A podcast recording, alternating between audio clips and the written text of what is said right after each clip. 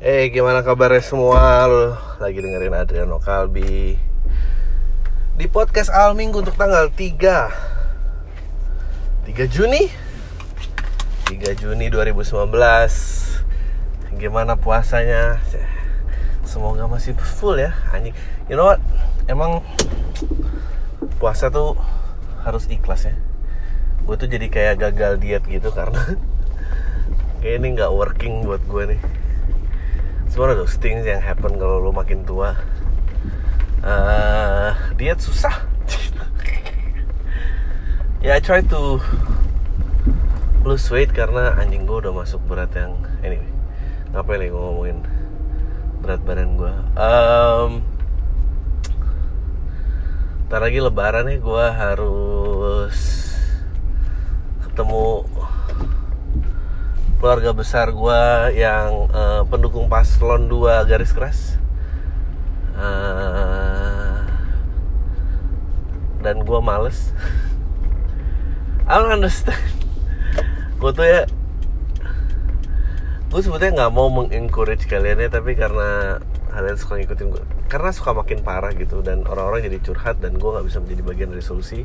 Dan kayaknya nggak banyak yang paham kalau I'm just telling jokes man dan semua orang tuh jadi kayak berharap. Anyway ya kayaknya sumber kebahagiaan gue adalah ketidakbahagiaan gue uh, itu kayak ketemu keluarga gue deh. Gak, gak semua sih tapi kayak kebanyakan dari mereka ada, dan gue selalu ngerasa aduh kok kita bisa ini sih? Ternyata berhubungan darah tuh tuh kita punya hub oh, bukan berhubungan darah. Berhubungan darah tuh kayak luka luka darah darah aja. Ketemu gitu. Uh, enggak maksudnya kayak kok kita bisa punya hubungan darah gitu? Gue gue makin nggak ngerti sih. Um, apa emang gue gue berusaha nggak nyambung nyambungin ini ke sosial media tapi kayak I don't know man gue pengen lihat pem pemerintahan Jokowi yang kedua tuh akan jauh lebih baik apa enggak gitu ya. Uh, apakah kita akan maju gitu as a as a per, as a people kita akan maju? Uh, uh, dulu jauh lebih liberal loh. I think kalau gue ngomongin Jakarta gue nggak tahu kalau tempat lain. Dan gue rasa tempat lain juga begitu karena minum-minum dan mabuk-mabukan itu dulu hal yang biasa gitu. Uh, uh, gue nggak pernah ngalamin warteg ditutup harus tutup kerai dan ada tempat makan yang digerebek di zaman bulan puasa gitu dulu ya. Maksudnya uh, I think di SBY terakhir mulai ada. And then terus makin parah gitu ke sini dan dan dulu nggak pernah kayak gitu gitu. Uh, dulu nggak pernah kayak gitu. Uh, dulu lu boleh cek sih. Di Pulau Seribu yang yang akhirnya Jakarta reklamasi itu juga dan akan nyampe ke sebuah pulau. Dulu if I'm not mistaken gubernurnya itu adalah Ali Sadikin. Uh, gue nggak ngalamin Ali Sadikin. Uh, dia mau bikin kasino ya mau bikin kasino dia bilang ya kalau mau meningkatkan pendapatan kota eh pendapatan daerah gitu ya pasangi aja pajak-pajak yang tinggi untuk penjudi bla bla bla dan no problem no problem. Uh, dulu bahkan ada program pemerintah lotre program pemerintah uh, namanya SDSB sumbangan dana berhadiah. Um, sumbangan dana bangunan berhadiah ya kalau apa tahu gue uh, SD SB eh, sumbangan dana apalah. Um, dan dulu profesi dukun laris manis karena semua pada minta nomor togel. Uh, dulu kita ada di ada di era itu loh. Kita ada di era itu uh, and then just slowly regress dan menjadi semua orang tersinggung dan segala macam and I, I, I, I don't know. Mungkin gue makin ke sini kayak uh, gue nggak pernah mau nyentuh topik ini dan gue nggak pernah mau nyentuh belief orang karena menurut gue gaya hidup seseorang itu bebas dimiliki siapa aja gitu ya dan dan gak ada urusannya mematuhi peraturan yang diajarkan agama atau enggak bla bla bla. Tapi ya udah kalau lu uh, memiliki value hidup tertentu ya lu hidup dengan value tertentu. Bagi lu yang tidak ya tidak gitu. Dan semua berjalan biasa aja gitu. Dan it it kills me melihat diskusi kayak ada orang berantem karena toa masjid ada orang berantem karena izinan uh, tempat beribadahnya nggak di approve gitu. Uh, it kills me like ada konten YouTube tentang apakah stand up comedy itu kayak apa gitu. Bukannya kita udah kelar ya ini ya? I thought we're done with this. I mean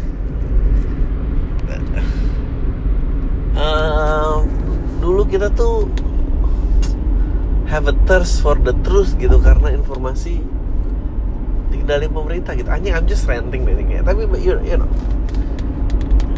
Kadang gue tuh capeknya ya capek banget aja kayak um, I thought we're done with I thought we're done with uh,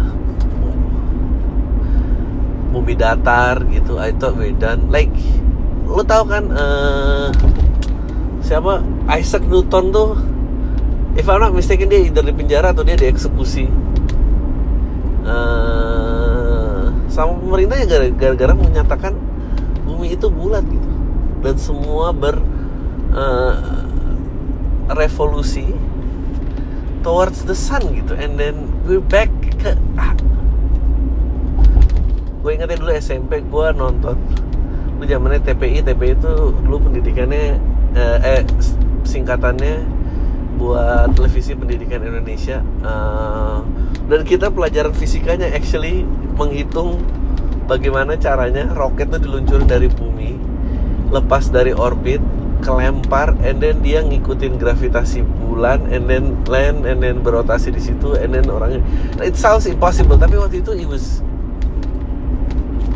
ah nggak tahu lah dan gue malas kayak gue pernah dapat uh, email uh, I don't know some guy merasa bang gue ini uh, pemuja setan. So, gue dari kalimatnya udah aduh pemuja setan lagi uh, tampaknya anda haus akan banyak pengetahuan gitu. Uh, coba aja subscribe gini gini gini gini. Anjing lah maksud gue kayak men gue tahu main makanan lo gitu trust me. Gue gue males start tiba-tiba keluar gitu orang-orang. Ya kan moon landing itu kan fake bla bla bla bla bla. Meskipun uh, gue tahu terlalu banyak konspirasi berada di sana uh, tapi I think even Mythbuster katanya waktu itu udah nge-solve. Uh, tapi bumi bulan kayak gua dan gue nggak tahu seberapa jauh kita akan uh, regress gitu. I, I I don't know pemerintahan yang kedua membawa kita ke level konservatisme yang seperti apa. Uh, yang jelas it's very tiring it's very scary. Dan toolsnya juga oh tapi perbedaannya adalah kerusuhan. Anjing gue ngebahas sih. Dengan terbuka informasi gitu kerusuhan 22 Mei itu tidak terjadi loh. Uh, so you, you guys know the mechanic of riot kan? Cing ya anjing gue so I'm gonna explain you the mechanics of riot. Bahwa uh, kerusuhan itu dapat direkayasa gitu. Yang perlu mereka lakukan adalah uh, menyulut sebuah peristiwa dan membiarkan peristiwa itu bergulir. Like like uh, menjatuhkan bola salju di atas gunung gitu ya dan dia akan ngerol sampai bawah. Uh, of course gue nggak tahu pasti gue nggak banyak baca tapi perbedaannya sentimennya waktu itu 98 adalah uh, ini plus poinnya banyak informasi ya. Dulu tidak ada informasi so it was just out nggak ada berita and then I think there's an emergency. No nggak juga. Karena khusus itu udah kerusuhan. Uh, so we don't really know kerusuhan tuh diterima gue tahu pemicunya adalah pada saat mulai pembakaran mall. Uh, and then uh, pembakaran mall penembakan mahasiswa kekerasan terhadap wanita korban perkosaan dan segala itu di trigger di uh, gua rasa kita selalu menggunakan kata-kata preman tapi kalau yang udah pernah nonton uh, apa ya uh, silent killer. Oh bukan. No no no no. Ah, apa? Dokumenter yang uh, algojo algojo yang dipelihara. Uh,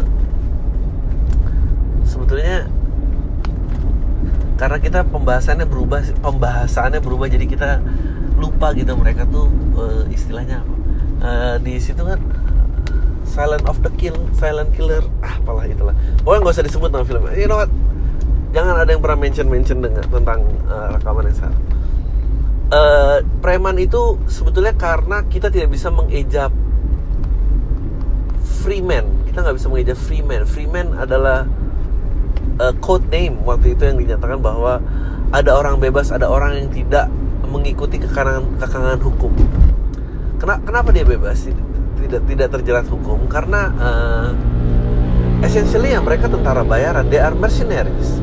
Mercenaries kan juga gitu tidak um, terjerat hukum gitu. So preman itu sebetulnya bukan aslinya kata-katanya bukan uh, punk. It's preman bukan a punk. Preman is actually mercenaries. It's a free man. Uh, si siapa lah sih kalau lu pernah nonton dokumenternya dia si Ed, Edward Congo itu kalau nggak salah dia juga bilang ya nah orang-orang itu memang ada. Orang-orang itu selalu standby orang-orang itu diberi makan orang itu that's what they do. Lo harus nonton juga uh, film menurut gue masih belum ada yang ngalahin sampai sekarang. Kalau lo nonton Iron Man pertama Tony Stark itu kaya gara-gara dia menjual senjata. Lo harus nonton kehidupan orang yang karakter utamanya menjual senjata dan dia sangat uh, sedih kalau negara itu berdamai karena dagangan dia turun. Lo harus nonton yang namanya uh, Lord of War. Lord of War. Uh, Nicolas Cage, poster depannya keren banget mukanya Nicolas Cage tapi dari peluru gitu. Um, dan dan di situ mercenaries tuh dibekali persenjataan gitu. Uh,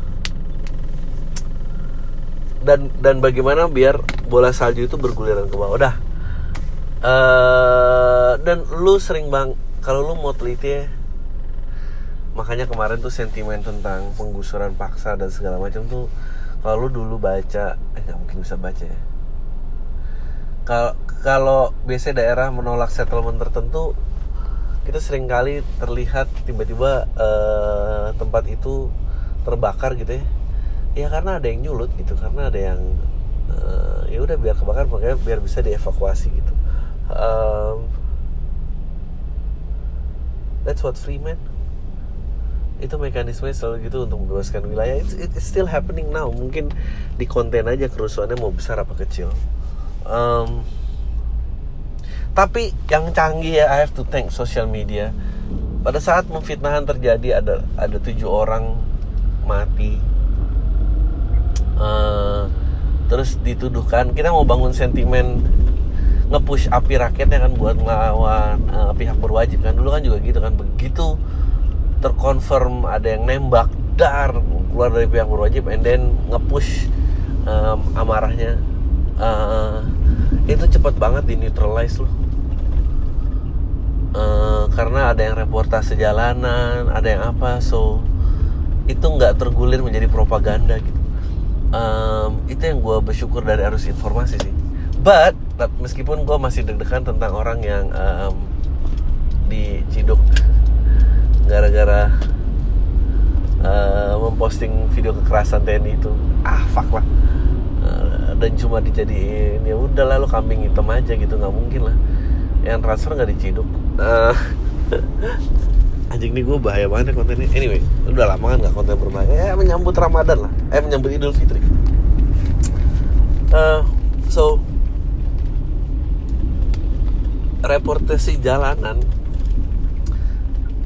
di tempat peristiwa actually uh, it stop uh, itunya mulai bergulir lebih besar. Uh, karena delay information waktu itu yang menyebabkan 98 itu terjadi. Kalau dilihat dari kacamata.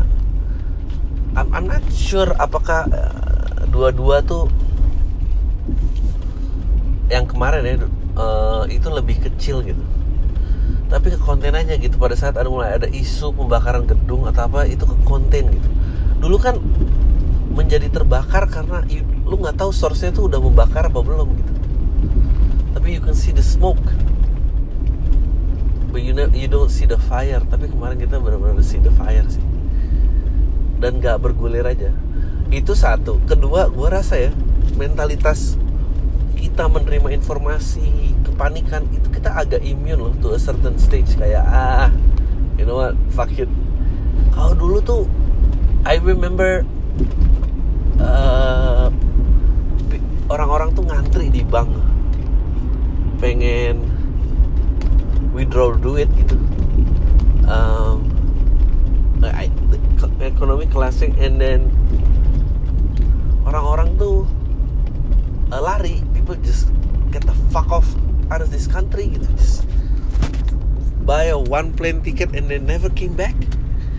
It's itu gila banget sih buat gue um, terus uh, ya all of karena nggak ke konten kayak gitu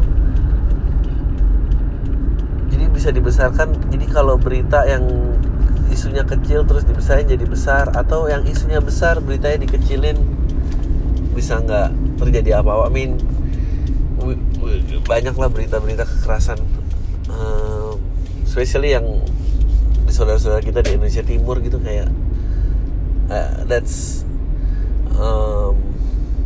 ya itu berita yang menjadi kecil banget ya, mbak ya, ya gitulah. Eh, gue tuh ngelantur gak sih? Ini make sense gak sih buat lo semua? tapi kayaknya ngantur ngantur deh tapi, tapi ya nggak lah gue ngebahas gue tau kok gue ngebahas tentang uh, Freeman gue mau bahas uh, metode kerusuhan anjing nih benda-benda berbahaya semua nih iya karena you know tempat ke klarifikasi yang penembaknya kayaknya kayaknya ya kayaknya laporan resminya juga udah keluar. Bukan polisi karena actually ada orang-orang yang tahu mekanisme uh, bekerja polisi loh. Kayak within 24 hour tuh tidak mungkin uh, ada penembakan. Jadi dia metodenya untuk mengkonten kerusuhan itu adalah apa gue lupa lah warning and then warning and then desakan terus um, kalau desakan gak works baru tear gas. Uh, tiga gak works gak works tembakan peringatan. Tembakan peringatan gak works baru uh, tembak untuk memecah uh, random. Um, dan itu jadi pada saat ada yang bilang udah broke out dan ada yang menembak adalah pihak berwajib itu menurut gue insane sih.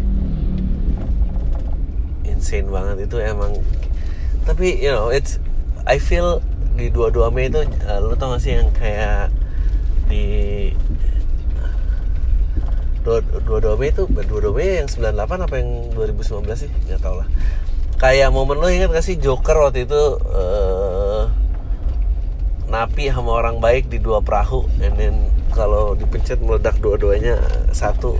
Eh kalau mau selama satu harus meledakin yang satu bla bla bla. And then they decided untuk nggak nggak ngeledakin. Itu, itu menurut gue momen yang paling gila sih. Uh, gue jadi kayak tiba-tiba I have to say uh,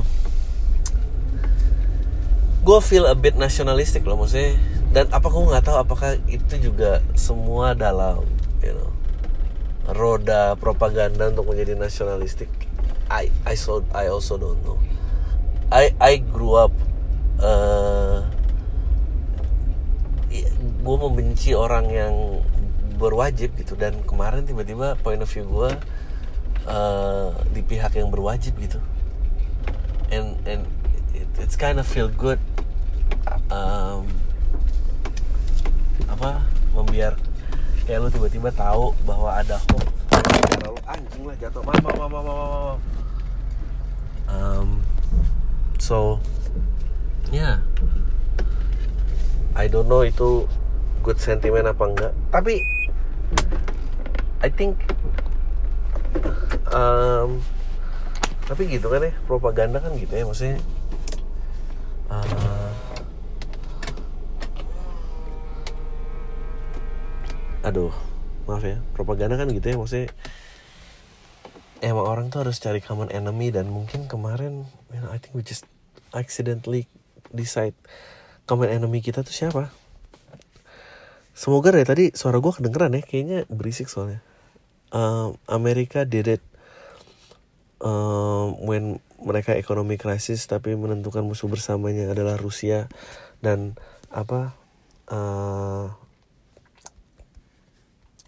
uh, dan dia mengalahkan mereka uh, meluncurkan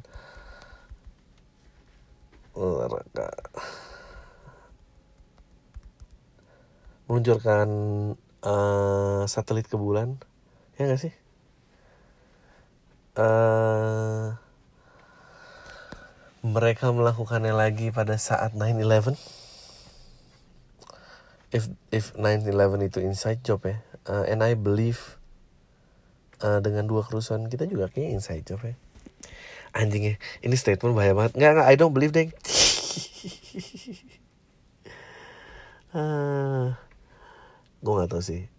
Do you think do you think it's an inside job? I don't. To bring us the country menuju semboyan NKRI harga mati apakah menurut lo ini elaborate action Bagaimana menurut lu? Menurut gue nggak tahu ya.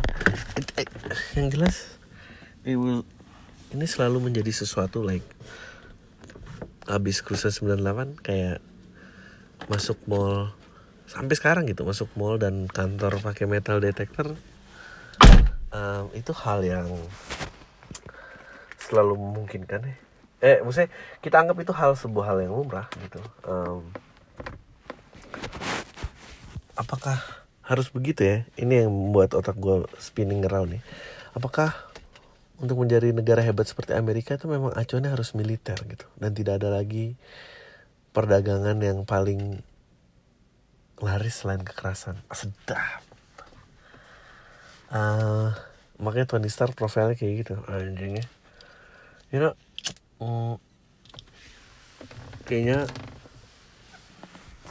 gue cukupnya cuap-cuap propagandanya gue ngeri bahaya men mendingan baca pertanyaan aja deret, deret. Uh, uh, uh, uh. Masih menghibur gak sih ini sebetulnya? Hmm? Gue ngerasa mulai capek men uh, na na na na na. I think gue akan start daripada uh,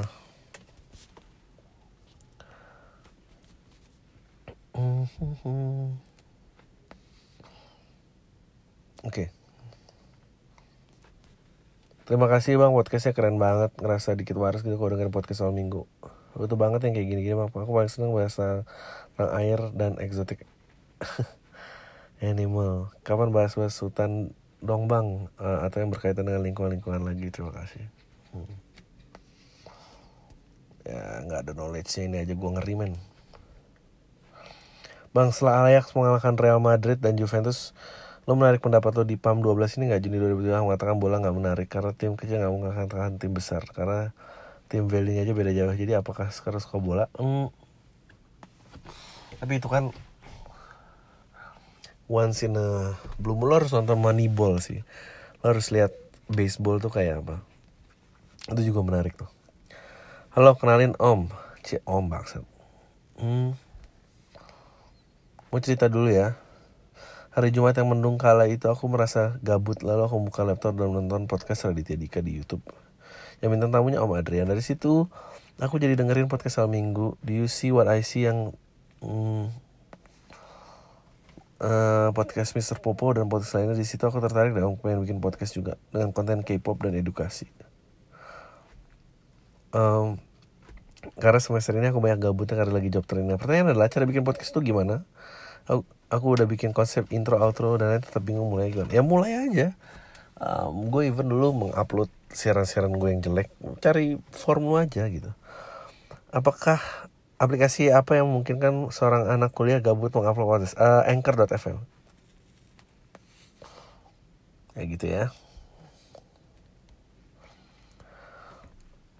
Bang gue mau tanya gue kan baru lulus kuliah dan belum hmm, ada pengalaman kerja. Gue mau apply lamaran ke perusahaan.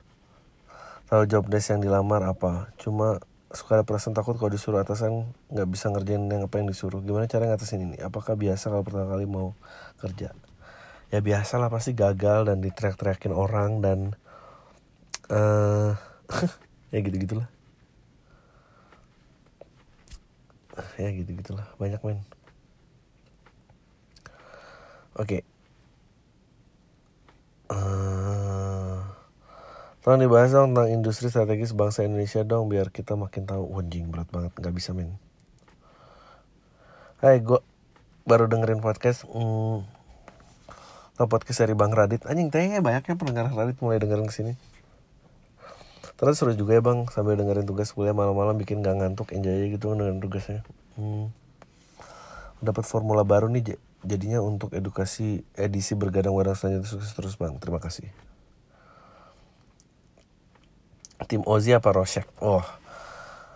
Gue sempat lo sebut-sebut Watchmen bang. Kalau lo mm, bilang yang benar Ozi Mendes atau Rosek pas SMP itu gue di pihak Rosek merasa mass killing itu gila tapi makin gede gue ngerasa Ozi make sense juga. Kalau lu pihak mana itu lo makin tua karena lo semakin pengen cari yang pragmatis. I think tapi Rosek itu kan di pihak chaos kan. Tapi Rosek uh, Ozzy itu di pihak order tapi order tuh always based online nggak ada order yang tidak based online. Makanya semua film-film future dan uh, eh, 1984 itu kan semua adik kuasa semua gitu. And I think itu dipakai juga di Iron Man kan pada saat Civil War.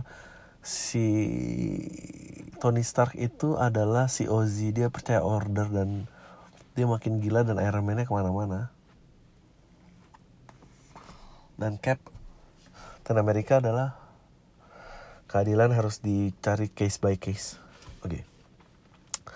gue lagi sering-sering bikin podcast bang tapi sebelum bikin podcast saya nulis materi atau bahan dulu. Jadi apa yang saya tulis itu saya tampilkan waktu rekaman. Menurut abang ini lebih baik nulis dulu sebelum rekaman apa ada uh, menurut gue find your own style. Ntar lo makin sering juga lo makin tahu gaya lo kayak apa. Gue pun begitu. Hmm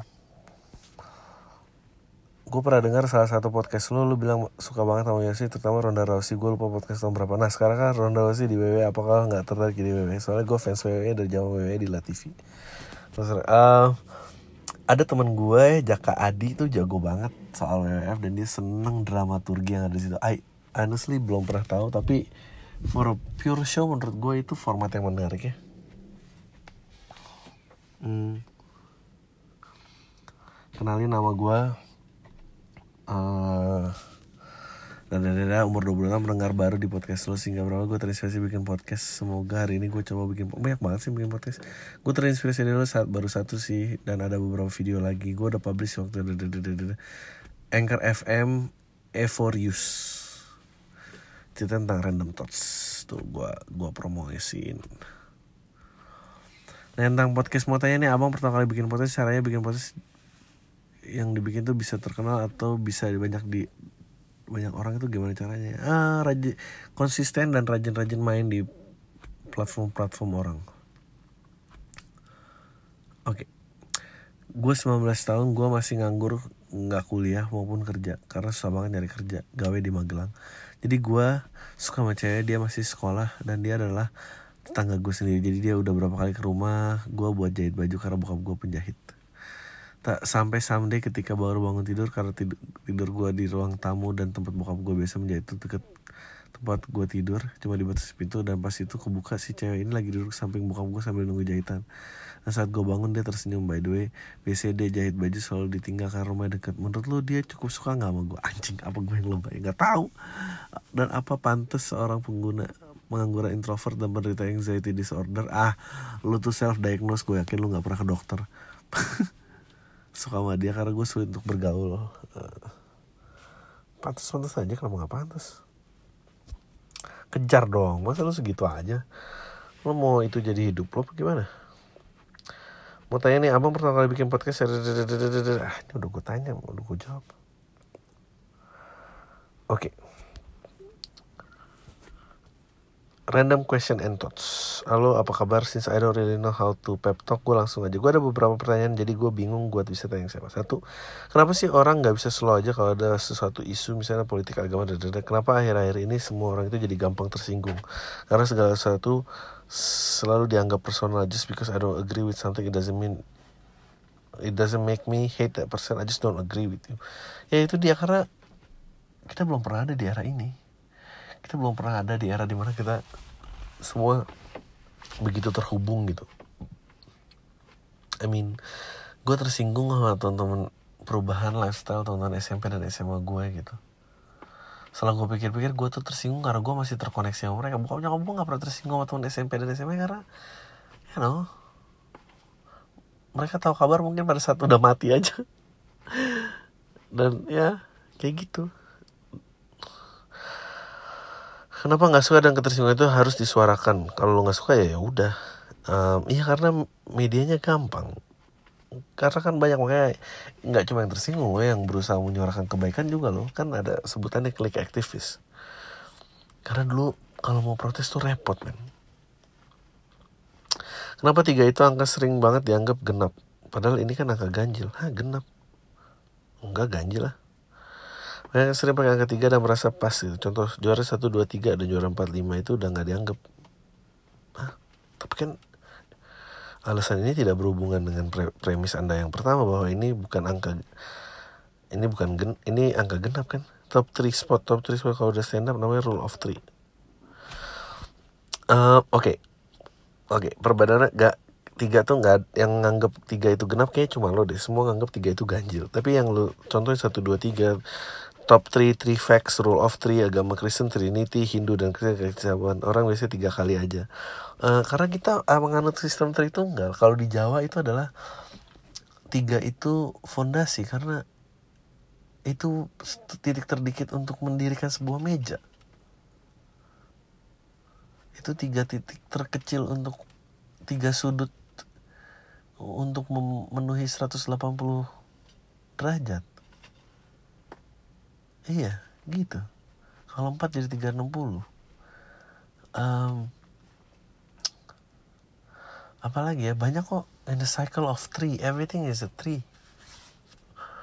Makanya itu itu konsep agung udah lama banget men. Empat. Kenapa pep talk itu penting? Kalau temen lama tapi nggak nggak nggak penting gue juga orangnya ini. Kenapa jadi track itu salah? Nah ya karena medianya dan ya tapi gue rasa nasehat-nasehat yang lo lihat dari buku motivasi atau film Disney dan segala macam semuanya tuh jadi cuek lagi. Menjadi diri lo sendiri menjadi berani. Itu value yang selalu dikomunikasikan berulang-ulang. Segini gitu pertanyaan gue aneh juga ya pertanyaannya.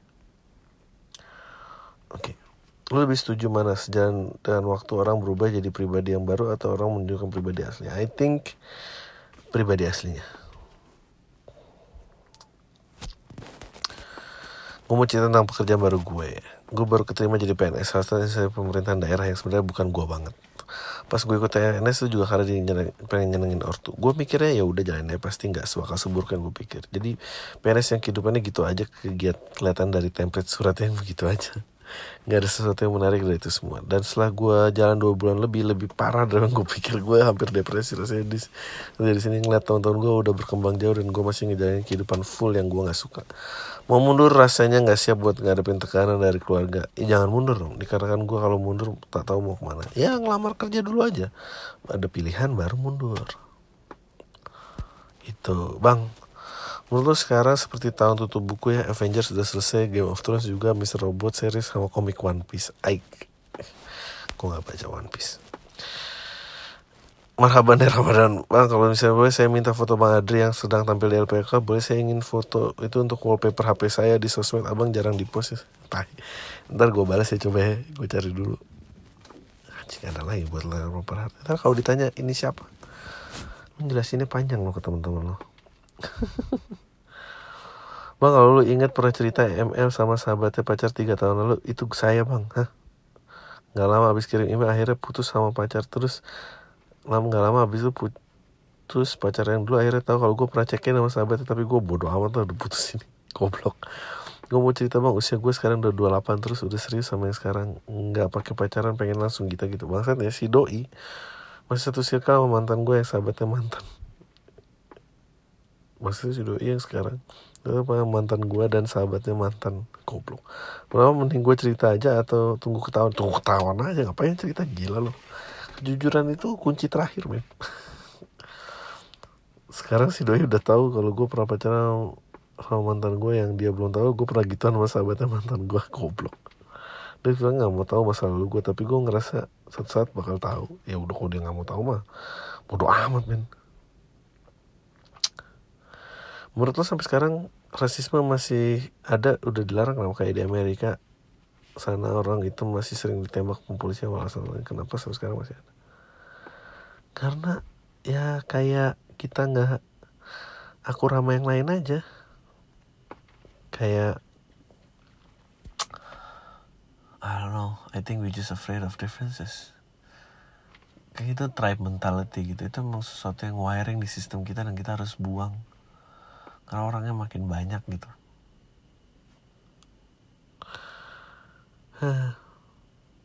Dulu kita juga masih memakai sentimen ras kok. Sentimen sara, suku, agama, ras, dan aliran ya. Kalau gak salah, singkatannya. Ya gitu lah. Gue pernah dulu dari Jakarta namun sekarang gue kerja di Serwi, Kabupaten Yepen, Papua. Wow jadi PNS gue gak bermasalah. Hubungan mas marah tapi bermasalah banget di hubungan kerja Bos gue aliasan alias kasih gue bangsat. Gue awalnya orang yang polos dan lebih cenderung iya aja kayak Rispo untuk menghindari masalah dengan orang lain. Namun makin lama makin sadar bos gue makin bangsat. Kebanyakan kebijakannya nggak logis cenderung merugikan negara. Boleh gue sebut bos gue tolol karena kebijakannya. Gue ngelawan malah ditekan dibilang junior nggak tahu apa, apa padahal atasan yang lebih tinggi malah lebih percaya gue agar meminimalisasi masalah yang dia buat. Akhirnya ke, kerjaan negara lebih banyak ngikutin saran dia yang merugikan pada mulut gue sampai busa berdebat mengenai caranya mengambil keputusan yang aneh dan konyol. Jadi ini buat gue sadar bahwa gue loser karena diskak dengan gue masih di pegawai baru di serwi dan nggak tahu budayanya. Yeah, that's a problem man memang. Sampai akhirnya bos gue suaminya ikut pemilu 2019 dan kalah gue seneng banget dan puas. Namun bangsa dia pakai uang kantor. Wow, buat caleg suaminya bikin bonus. Gue dari salah satu program pemerintah tersendat dan berdalih akan dikasih proyek kalau proyeknya selesai padahal sistemnya nggak begitu. Wow.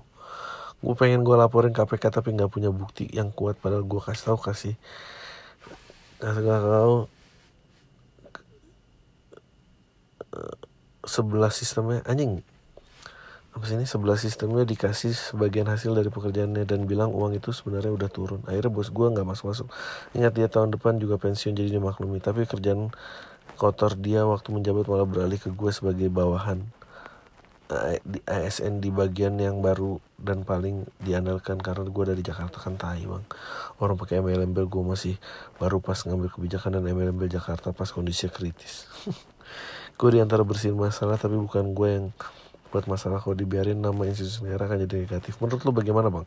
Mengingat gue sempat ditodong parang dan gue wow shit. That's your proof man. Sama tombak ketika memperbaiki masalah yang dibuat bos gue padahal gue yang buat masalah dan sudah ngomong baik-baik sama yang bersangkutan. Tolong kata yang gue dikurung ini jangan dibangsa demi kan bangsat.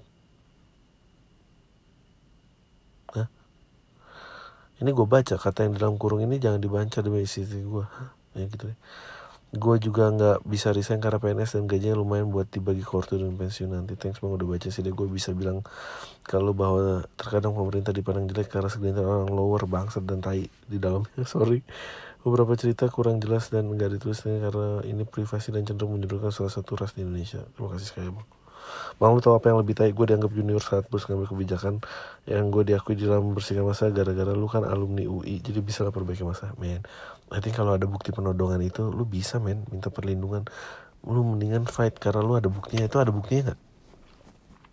Bukti kekerasannya bisa dong saksi. Man. jadi gini bang kurang udah gue udah ketemu cewek kurang udah 2 tahun. Tiap hari gue chattingan berapa kali udah ke gereja bareng. Dan teman-teman gue dukung gue untuk dapetin dia.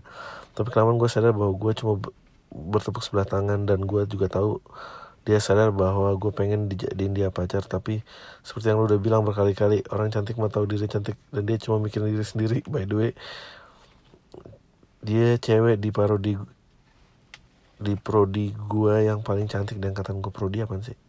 Akhirnya gue minta tolong sama temennya untuk cari tahu pandangan dia terhadap gue dan akhirnya gue tahu bahwa dia cuma pengen jadiin gue temen dan gak mau pacaran sama orang yang dengan alasan pengen semuanya jadi teman aja gue berusaha menerima keinginannya tapi akhirnya gue nggak bisa berdaya diri sendiri.